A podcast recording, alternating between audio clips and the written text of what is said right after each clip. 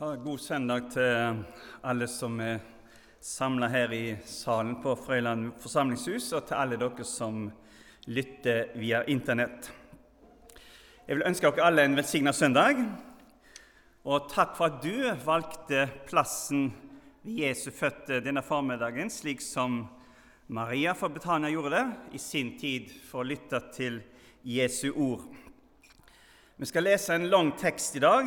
Det er jo den siste søndagen i kirkeåret. Domssøndagen, eller Kristi kongedag. Og Vi vet ut fra Guds ord at Jesus Kristus han vil komme igjen til eh, dom over de ugudelige og til frelse for de som venter på Han. Og Så måtte dette spørsmålet klinge i vår sjel.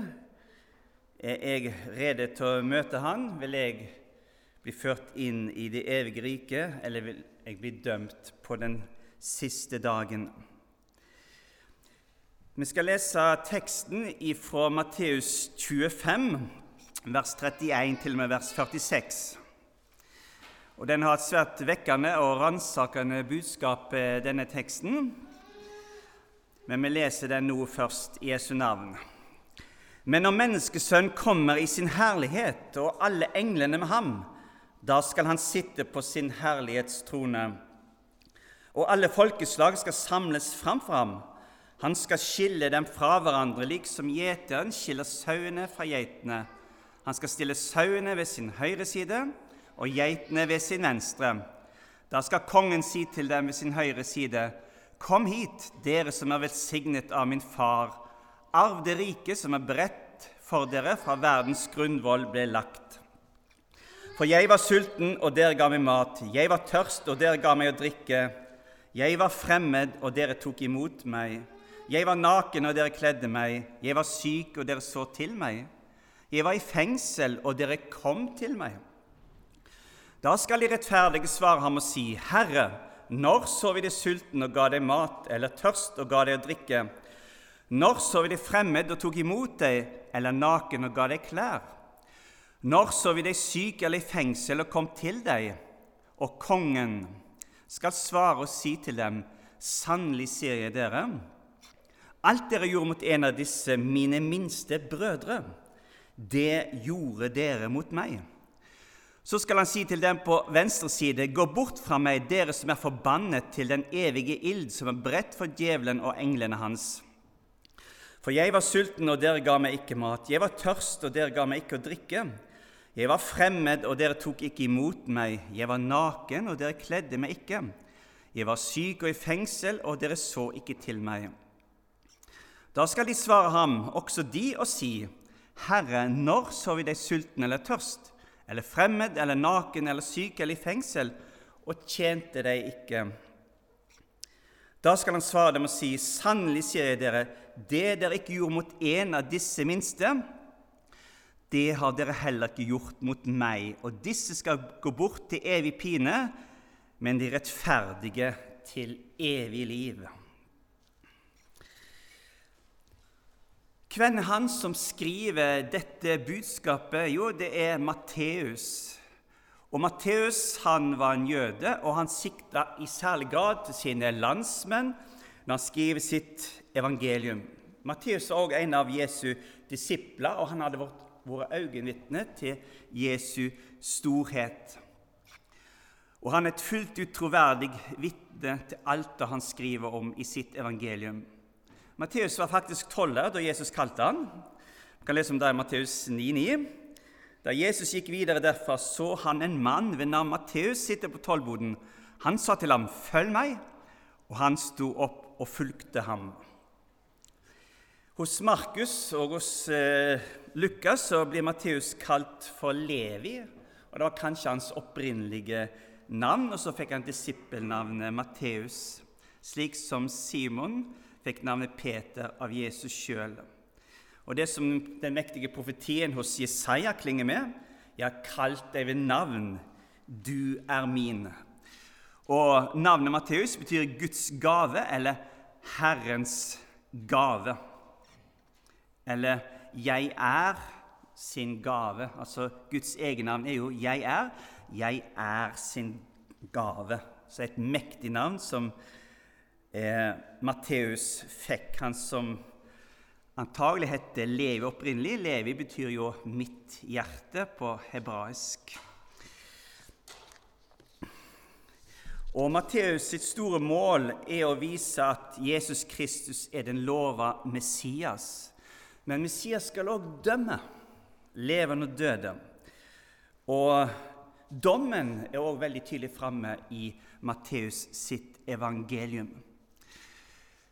Skal vi forstå denne teksten som jeg leste, som er egentlig mye mer krevende å forstå enn hva et overfladisk blikk på teksten skulle tilsi, så må vi se den i sammenheng men det som står forut for denne teksten Vi leser i Matteus 24-25 om Jesus' store endetidstale til sine disipler, der han taler om Jerusalems ødeleggelse og sin gjenkomst. Og i Matteus 25 så fremsetter Jesus to lignelser, og så lærer han om dommen på den ytterste dagen. Og Den første lignelsen i kapittel 25 er om de ti brudepikene, og så får vi eh, lignelsen om de betrodde pengene eller talentene. Og Lignelsen om brudepikene handler om å være rede og klar og vise den rette klokskapen i møte med Jesu gjenkomst. Og Lignelsen om talentene eller de betrodde pengene handler også om vår troskap mot Gud, Hans Sønn, i påvente av hans komme. Og Så blir eh, lignelsen om brudepikene den blir avslutta med ordet 'Våg derfor, for dere vet ikke dagen eller timen sant, når Jesus kommer igjen'. Og Lignelsen om talentene den blir avslutta med at den unyttige tjeneren, han som gravde ned, gravde ned sin talent, han blir kasta i mørket utenfor Guds rike, der de skal gråte og skjære tenner i fortvilelse.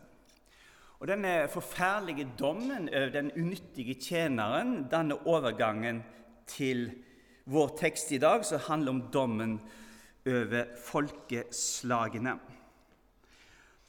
Mange vil jo si at denne teksten som jeg leste, den er grei å forstå.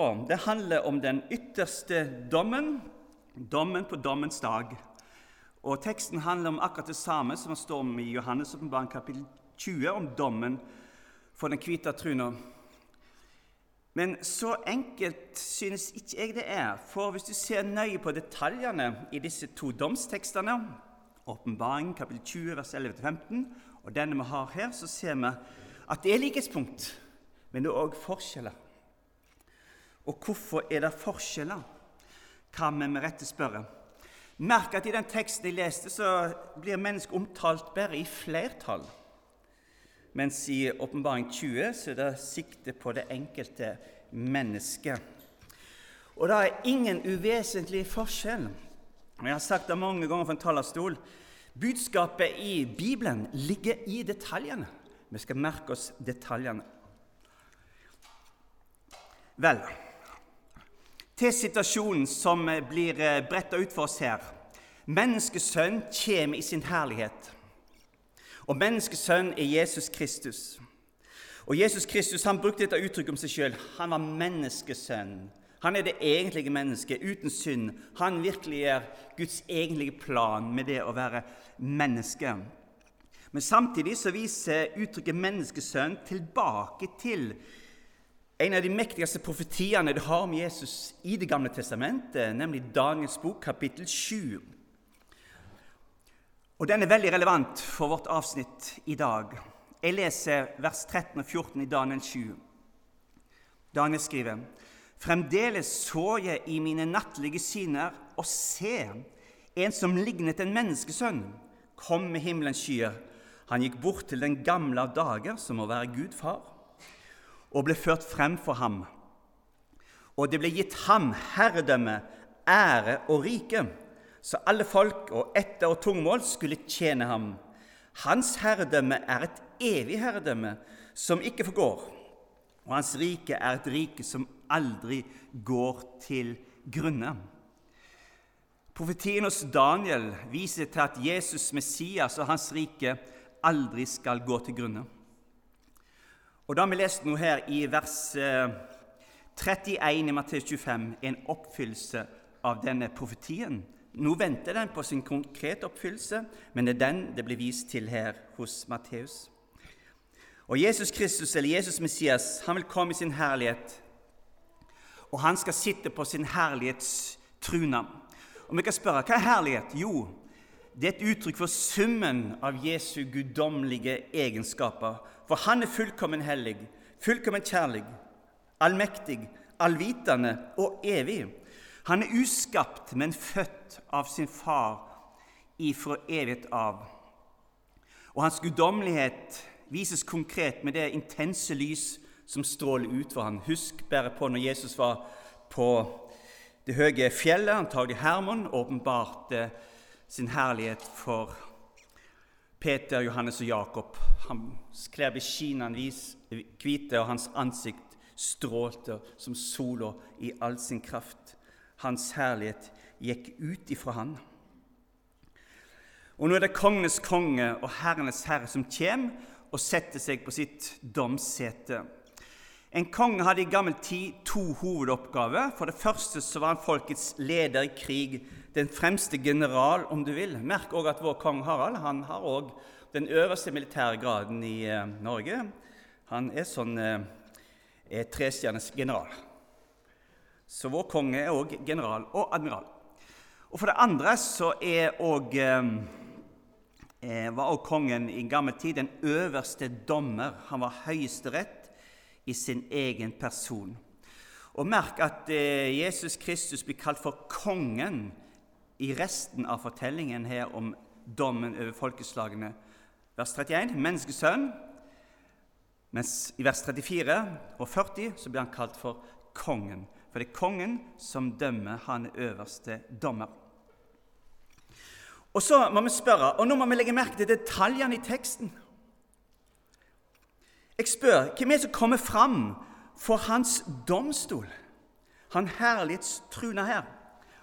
Jo, det står alle folkeslag. Alle folkeslag på jorda.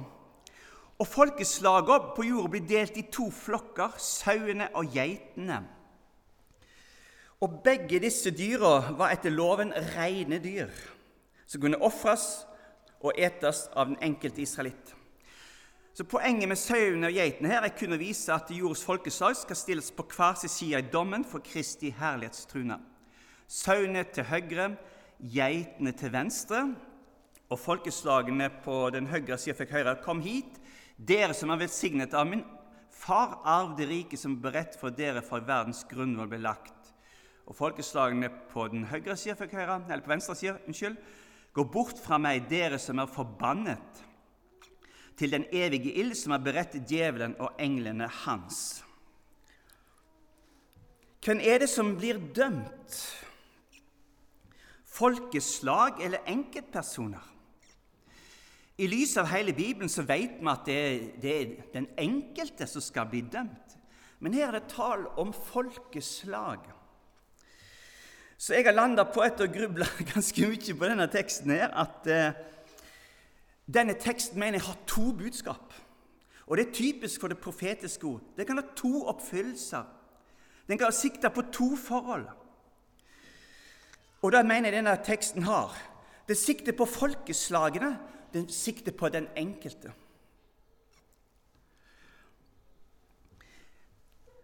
Det tror jeg. For vi har i Guds ord òg en dom over folkeslagene. Så jeg vil si litt om den nå først, før jeg går over til eh, dommen over enkeltmennesker. Og Du skal være veldig klar over at eh, i Det gamle testamentet så har du en meget klar profeti at det skal komme en dom over folkeslag òg en siste tid. Og Denne profetien har du hos eh, profeten Joel i det uhyre interessante kapittel 3.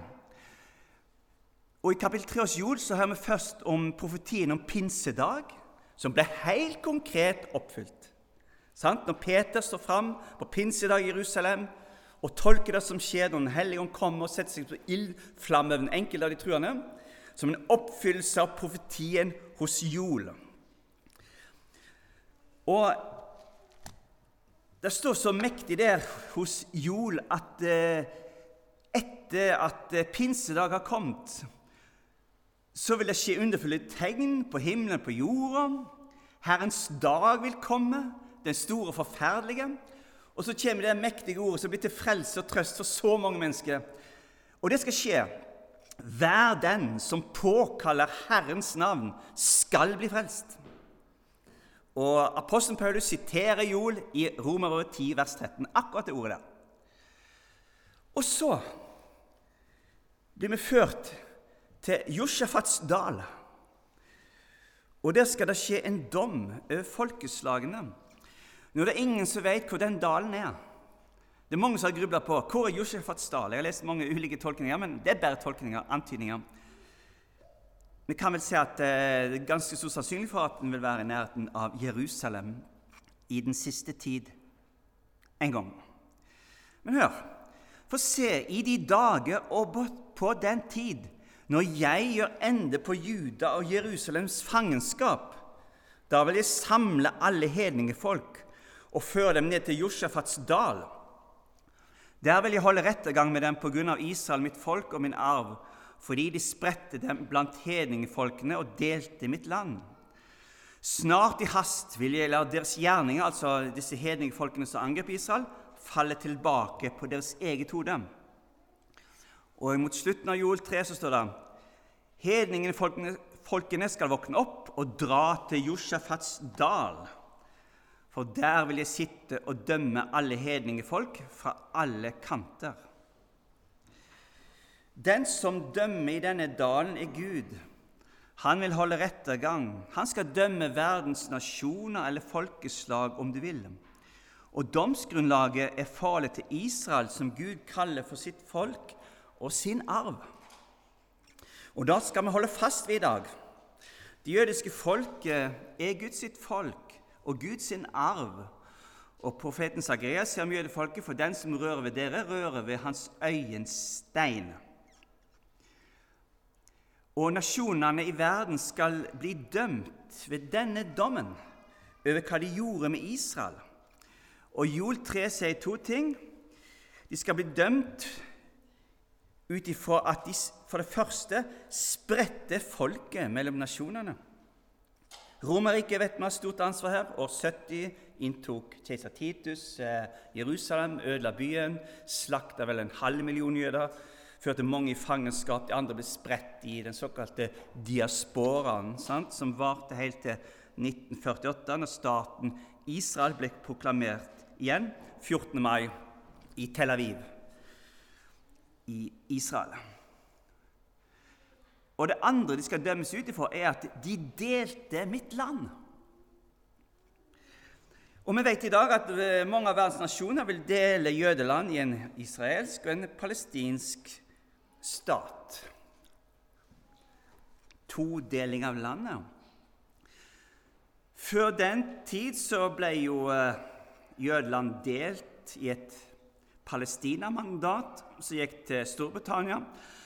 Opprinnelig så hadde FN forslag om at eh, Jødeland skulle være mye større, men de fikk det som kan kalle for kjerne-Israel. Og jeg vil påstå utenfor Jols bok at å dele jødeland det er nokså Gud imot, som er under hans dom. Landet skal ikke deles opp. Jødeland er Israels land. Vestbredden, det er Judea Samaria. Det er Israels land det er jødene sitt land. Så utenfor Jols bok så vil Gud en dag gjengjelde den uretten som jødeland og israelittene blitt utsatt for. Han skal gjengjelde det som vi kan kalle for den politiske urett mot Israel. Gud han skal en dag hevne og dømme alle synder som ikke er gjort opp ved Kristi kors, også sånne såkalte politiske synder. Så jeg har kommet til da at eh, Matteus 25 òg taler om en dom som gjelder folkeslagene. Og sett i lys av profetien i Jol 3 så virker det som at denne teksten også taler om det forholdet. Men jeg mener teksten rommer mer. Det må òg være en klar linje fra dette budskapet fram til dommen for den hvite troen som vi leser om i Åpenbaringen kapittel 20. Og Jeg skal lese de versene. Og Der hører vi om eh, Gud Fader som sitter på ei stor, hvit trune, leser Jeg så en stor, hvit trone og ham som satt på den. For hans åsyn vek jorden og himmelen bort, og det ble ikke funnet sted for dem. Og jeg så de døde, små og store, stå for Gud, og bøker ble åpnet. Og en annen bok ble åpnet, som er livets bok. De døde ble dømt etter det som var skrevet i bøkene, etter sine gjerninger. Havet ga tilbake de døde svar i det, og døden og dødsriket ga fra seg de døde svar i dem. Og de ble dømt hver etter sine gjerninger. Og døden og dødsriket ble kastet i ildsjøen. Dette er den andød ildsjøen. Og hvis noen ikke ble funnet innskrevet i livets bok, ble han kastet i ildsjøen. Her er det ikke fokus på folkeslag, men på enkeltpersoner, og oppmerksomheten er retta på dem ut ifra det som er skrevet opp i gjerningenes bøker. Alle de syndige og onde gjerningene, alle forsømmelsene, er skrevet opp, og så vil den enkelte bli dømt etter det som blir skrevet, oppskrevet i bøkene, og blir kasta i den evige ild helvete, eller sjøen som brenner med ild og svovel. Ildsjøen, som er kalt for den andød, det er helvete, det er Gehenna. Det evige straffested under Guds vrede. Og de ufrelste har en forferdelig dom i vente. Det er gruoppvekkende å tenke på. Og Da vil jeg si til alle her, og alle som eh, lytter via Internett, det er en himmel å vinne og et helvete å unnfly. Og du som ikke er frelst, skulle sette alt innpå og unnfly den evige dom. Fly til Jesus Kristus. Han tar imot deg og vil frelse deg. Jeg tror personlig at Matteus evangelium kapittel 25 egentlig handler om dommen over folkeslagene ved inngangen til riket for Israel, tusenårsriket. Men samtidig så peker denne dommen fram mot en endelig dom over de ugudelige, de som forkaster Jesus Kristus. Vel, uansett hvilket syn vi måtte ha på hvilken dom det taler om her i Matteus 25, så står én ting fast. Det er ditt forhold til Jesus Kristus som vil avgjøre din evige skjebne. For den største synden av all synd, det er å være vantro mot Jesus Kristus. Jesus sier sjøl om Den hellige ånd, og når Han kommer, altså Den hellige ånd, skal Han overbevise verden om synd og om rettferdighet, om dom. Og så sier han om synd, fordi de ikke tror på meg. Det der mener jeg er, hovedordet i Det nye testamentet om hva synd er for noe. Synd det er vantro mot Jesus. Og Det er den egentlige synden i alle enkeltsyndene. Det er vantroen. Det er jo den som setter et menneske utenfor Guds fullkomne rike en dag. For denne synden er det jo Det ligger jo i det. Vantro det er jo ikke tilgivelse for den. Ved vantroen så blir Jesus Kristus avvist. Og avviser du Jesus Kristus, så må du på dommens dag framfor den hvite truna, der den evige Gud sitter på sitt domsete og vil gi regnskap for alle dine syndige tanker, ord og gjerninger, forsømmelser. Alt er skrevet opp, og du vil måtte gi Gud rett i hvert et ord, og dommen vil være klar. En evig straff i mørket utenfor, der du vil gråte og skjære tenner i fortvilelse i all evighet, uten håp om endring. Kan noe verre tenkes? Det er ingenting verre som kan tenkes enda. Og Tanken er så grusom at du orker ikke å dvele ved den. Og så vil jeg si og så er det så totalt unødvendig. For Gud han ønsker at alle mennesker skal bli frelst og komme til sannhetens erkjennelse. Det er Guds vilje. Og Gud har ikke ønsket å sende et eneste menneske til helvetes ild. Teksten vi leste, sa jo at eh, den evige ild var beredt for djevelen og englene hans, altså de vonde åndene, demonene. Det var de som skulle havne i helvete. For Gud han har jo sendt sin enbårne sønn til frelse for verden, til frelse for deg. Og Jesus Kristus har jo betalt fullt ut syndestraffen for absolutt alle mennesker.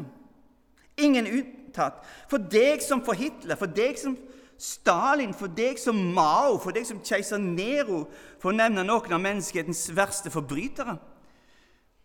Ikke et eneste menneske trenger egentlig å gå fortapt, men de fleste går likevel fortapt. Hvorfor? Jo, de vil ikke tro på Jesus.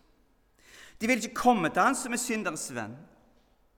Dessverre så blir også mange hindra i å komme til ham pga. falsk religion, falske livssyn, falske ideologier, og for at ingen forkynner det evangeliet. Derfor må vi drive misjon og utbre evangeliet om Jesus Kristus. For Gud vil frelse alle. Det er hans inderlige ønske. Men de fleste sier nei, òg som får muligheten. Dessverre. Det viser hvor djupt fallet i mennesket er. Jesus sa til Nikodemus, denne nattlige samtalen vi leser om i Johannes 3 For Gud sendte ikke sin sønn til verden for å dømme verden, men for at verden skulle bli frelst ved ham. Den som tror på ham, blir ikke dømt. Den som ikke tror, er allerede dømt, fordi han ikke har trodd på Guds enbårne sønns navn. Og for deg som tror på Jesus, som sitter her i salen på Frøyland forsamlingshus, eller du som sitter og lytter ved din datamaskin Dommen er på ei side sett allerede felt.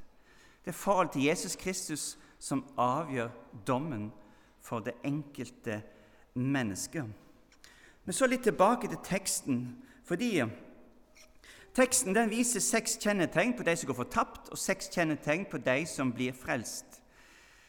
Og kongen her, eller menneskesønnen Jesus Kristus, han sier at de frelste, de hadde gitt han mat, de hadde gitt han å drikke, de hadde tatt imot han som fremmed, de hadde kledd han, de hadde sett til han i hans sykdom, de hadde besøkt han i fengselet.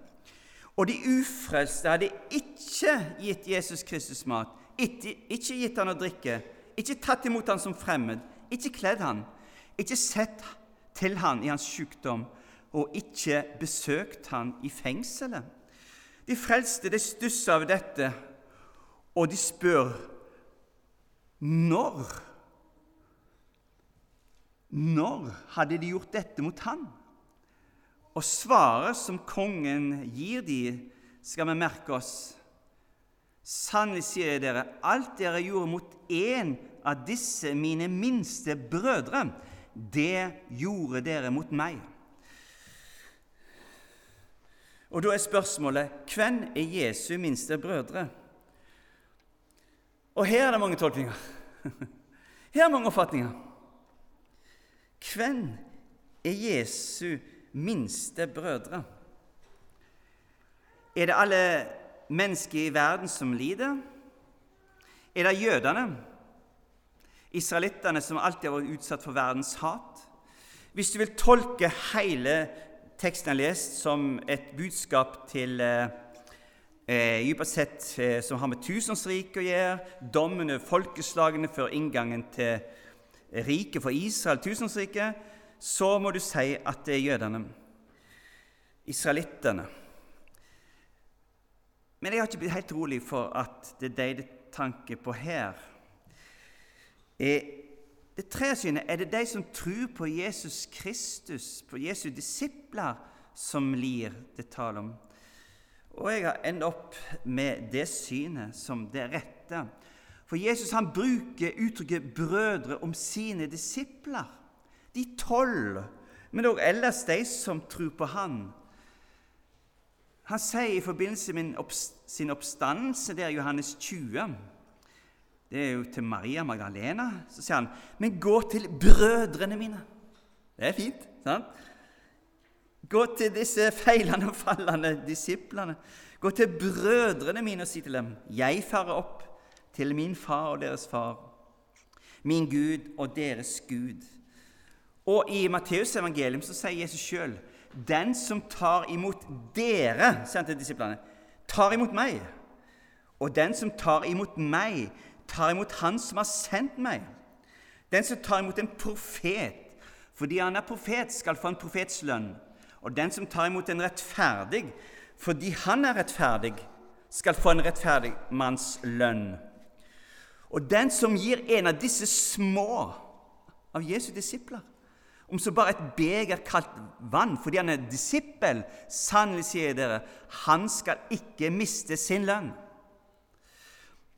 Så Jesus akter at alt som er gjort mot hans disipler, godt eller ondt, det er gjort imot han.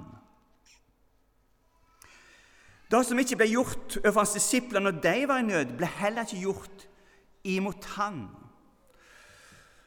Og det er et veldig alvor her at verdens menneske det skal jo bli dømt ut ifra sine gjerninger, gjerningens bøker. Og gjerningene deres blir oppskrevet der fordi de dypest sett har vantro mot Jesus Kristus. Men Gud i himmelen han skal særskilt vurdere dem ut ifra hvordan de har behandla Guds folk, Jesu disipler, til alle tider. Og Det begynner med de tolv som fulgte Jesus på jord. Men dypere sett, jeg understreker det igjen, det er forholdet til Jesus Kristus det dreier seg om. Dypere sett, alt står og faller på det. Men rent konkret så vil det få sitt utslag i hvordan behandler Jesu disipler. Men dette høres jo veldig sånn enkelt ut. Vil ikke alle være sånn menneskekjærlige og hjelpe de kristne, hjelpe Jesu disipler med det de trenger når de er i nød? Vil ikke få mat og drikke, klær, blir sett til i sin sykdom, om de havner i fengsel, så får de besøk. Vil ikke det skje? Slettes ikke alltid. Det kan koste å hjelpe en Jesu disippel. Det kunne koste enormt å hjelpe en som hørte Jesus til. Tenk bare på den motstand som Jesus fikk fra fariseerne i skriftlige og de andre som vendte seg mot ham. Den motstanden Paulus fikk, de andre apostlene fikk når de gikk ut i verden for å forkynne evangeliet. Og de som hjelpte de kunne få motstand, og i forfølgelsestidene så kunne de som ville hjelpe en Jesu disippel, få veldig motstand. Det kunne koste de dyrt. Er det er mange som betaler en høy pris i dag òg, i vår verden, for å hjelpe en Jesu disippel. Men en sann kristen vil alltid hjelpe sine brødre. Han vil alltid prøve på det uansett omstendighet, forfølgelse eller fredstid. Den som har Jesus sinnelag, kan ikke lukke sitt hjerte for en bror eller søster i nød. Og Det står i Galaterbrev 6, vers 10.: La oss derfor, mens vi har tid, gjøre det gode mot alle men mest mot troens egne folk. Den sanne tro på Jesus Kristus viser seg synlig i gjerning. Og Luther har sagt du blir frelst ved trua alene, men trua er aldri alene, den er alltid full av gode gjerninger, sier han. Da må stå 100% fast. Du blir frelst ved trua alene, på Jesus alene, uten gjerninger, rettferdiggjort av tru uten gjerninger. Men der den sanne tro er, der kommer gjerningene. Hvor går veien til å leve et liv i tjeneste for Jesus Kristus og å hjelpe hans disipler om de trenger mat, drikke, om de er fremmede, om de trenger klær, om de må bli sett til når de er syke, eller besøke de i fengselet? Hvordan få og bevare et slikt sinnelag. Veien er enkel og klar. Gå til Jesus. Gå alltid til din frelsers favn. Han vil ikke vise deg bort. Tal ut med han om din treghet, din mangel på omsorg og din uvillighet. Så vil han tilgi deg, rense deg, fornye deg, opplyse deg med sin store nåde og herlighet. Og så vil du elske fordi han elsker deg først. Han viste sin uendelige kjærlighet mot deg først ved at han gav sitt liv og blod for å frelse deg fra Guds dom. Og har du gjort en erfaring at dine synder så viste at du var fullstendig fortapt for Guds ansikt, og at i den nøden kom til Jesus Kristus og fikk alt sammen tilgitt Noe nytt ble tent i ditt hjerte, ble rensa i lammets blod, du ble en frelst synder. Da våkna noe nytt i hjertet ditt. Du kjente på kjærlighet til både Gud og mennesket, og du vil gjerne tjene Herren. Jeg har gjort den erfaringen. Jeg kjenner disse ting av personlig erfaring. Det gjør jeg. Men forholdet til Jesus må stadig fornyes, slik at en òg har et hjerte, en omsorg, for de andre, og ikke minst mine truende brødre og søstre. Så dypest sett så skal jeg ikke få, når jeg står opp om morgenen, liksom spørre hva er Guds vilje med mitt liv denne dagen? Jo, jeg kan jo spørre etter det, men hans vilje ligger framfor meg med en gang jeg står opp. Hvordan behandler jeg min familie? Hvordan oppfører jeg meg på arbeid? Jeg vil jo møte mange mennesker som jeg er kalt til å vise omsorg for. For hver dag så legger Herren fram ferdiglagte gjerninger for den som tror på Jesus, for at vi skal få vandre i deg. For vi er Hans verk, skapt i Kristus Jesus, til gode gjerninger som Gud forut har lagt ferdige for at vi skulle vandre i dem. Gjerningene ligger der. Det er bare å gå inn i dem. Tjenesten ligger der. Det er bare å gå inn i den. Med Jesu sinnelag for å ære Hans navn, for å gi litt tilbake til Han som ga alt for meg. Og så skal jeg som tror på Jesus Kristus, jeg skal slippe å frykte for den evige dom.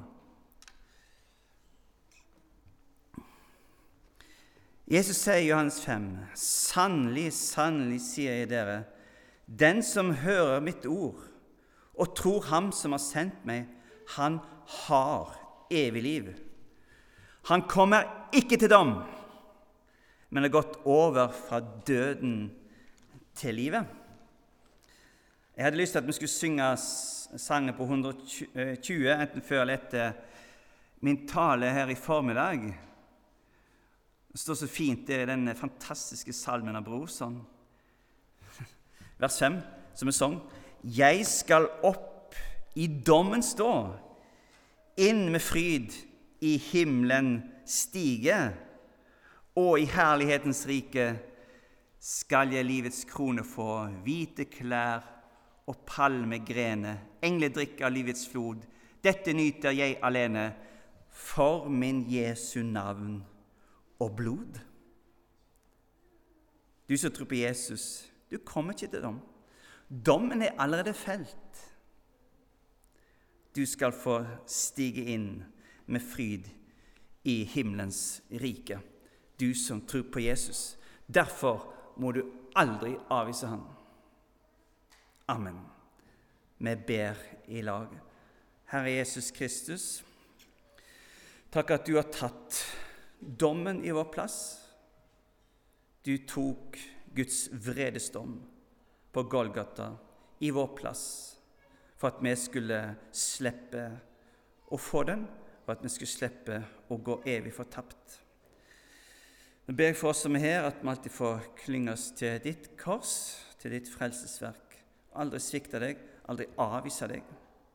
Vi holder fast på deg livet ut ber jeg om det er noen her eller som sitter ved sin PC og har lytta til forkynnelsen, som ennå ikke kjenner deg, ber at du må kalle på dem. Det må gå til deg som har tatt dommen i deres plass, og få syndeflatt og få det evige liv.